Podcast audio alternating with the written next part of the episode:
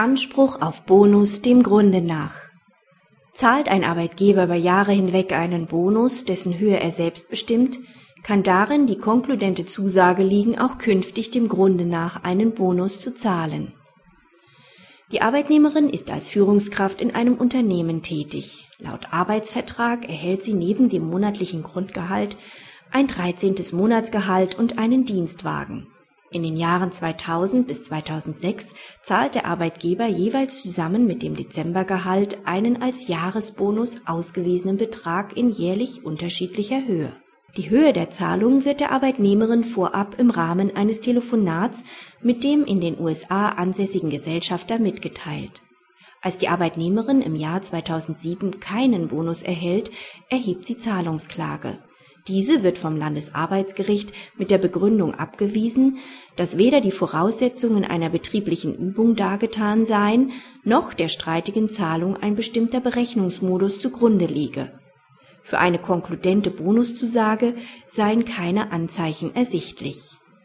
Dieser Begründung folgt das BAG nicht. Nach seiner Auffassung muss das Landesarbeitsgericht erneut über das Vorliegen einer möglichen konkludenten Bonuszusage entscheiden. Mangels eines kollektiven Verhaltens des Arbeitgebers scheiden Ansprüche aus betrieblicher Übung und dem allgemeinen Gleichbehandlungsgrundsatz aus. Das Landesarbeitsgericht hat jedoch das mögliche Vorliegen einer Bonuszusage dem Grunde nach nicht hinreichend geprüft.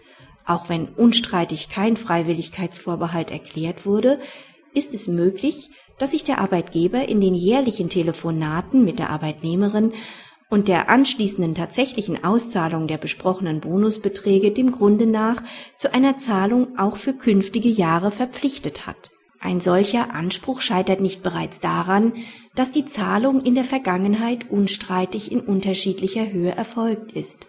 Es ist gerade typisch für einen Bonusanspruch, dass dieser von schwankenden Komponenten wie dem Betriebsergebnis oder der persönlichen Leistung abhängt. Es erscheint daher ohne weiteres möglich, dass die Annahme der Arbeitnehmerin gerechtfertigt war, die Beklagte wolle sie hinsichtlich der Bonuszahlungen in irgendeiner Weise auf Dauer binden. Hätte die Arbeitgeberin dies ausschließen wollen, hätte es nahegelegen, auf die Einmaligkeit der Zahlung besonders hinzuweisen. Denkbar wäre auch, dass der Arbeitgeber den Bonusanspruch entsprechend den Regelungen für Geschäftsführer gestaltet hat. In diesem Fall wäre es ebenfalls gerechtfertigt, einen Anspruch der Arbeitnehmerin in Zukunft anzunehmen. Schließlich ist der Umstand zu berücksichtigen, ob und inwieweit der Bonus das 13. Monatsgehalt umfasst oder gar ersetzt hat.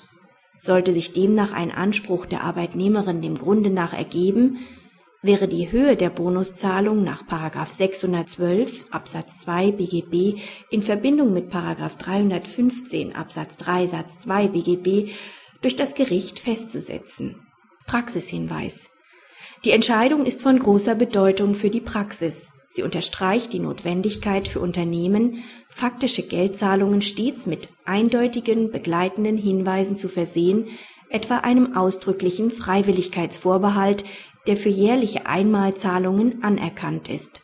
Besonders in angloamerikanischen Unternehmen ist die rechtsirrige Überzeugung weit verbreitet, dass faktische Bonuszahlungen keinen Anspruch begründen, sofern der Arbeitsvertrag keine ausdrückliche Bonuszusage enthält.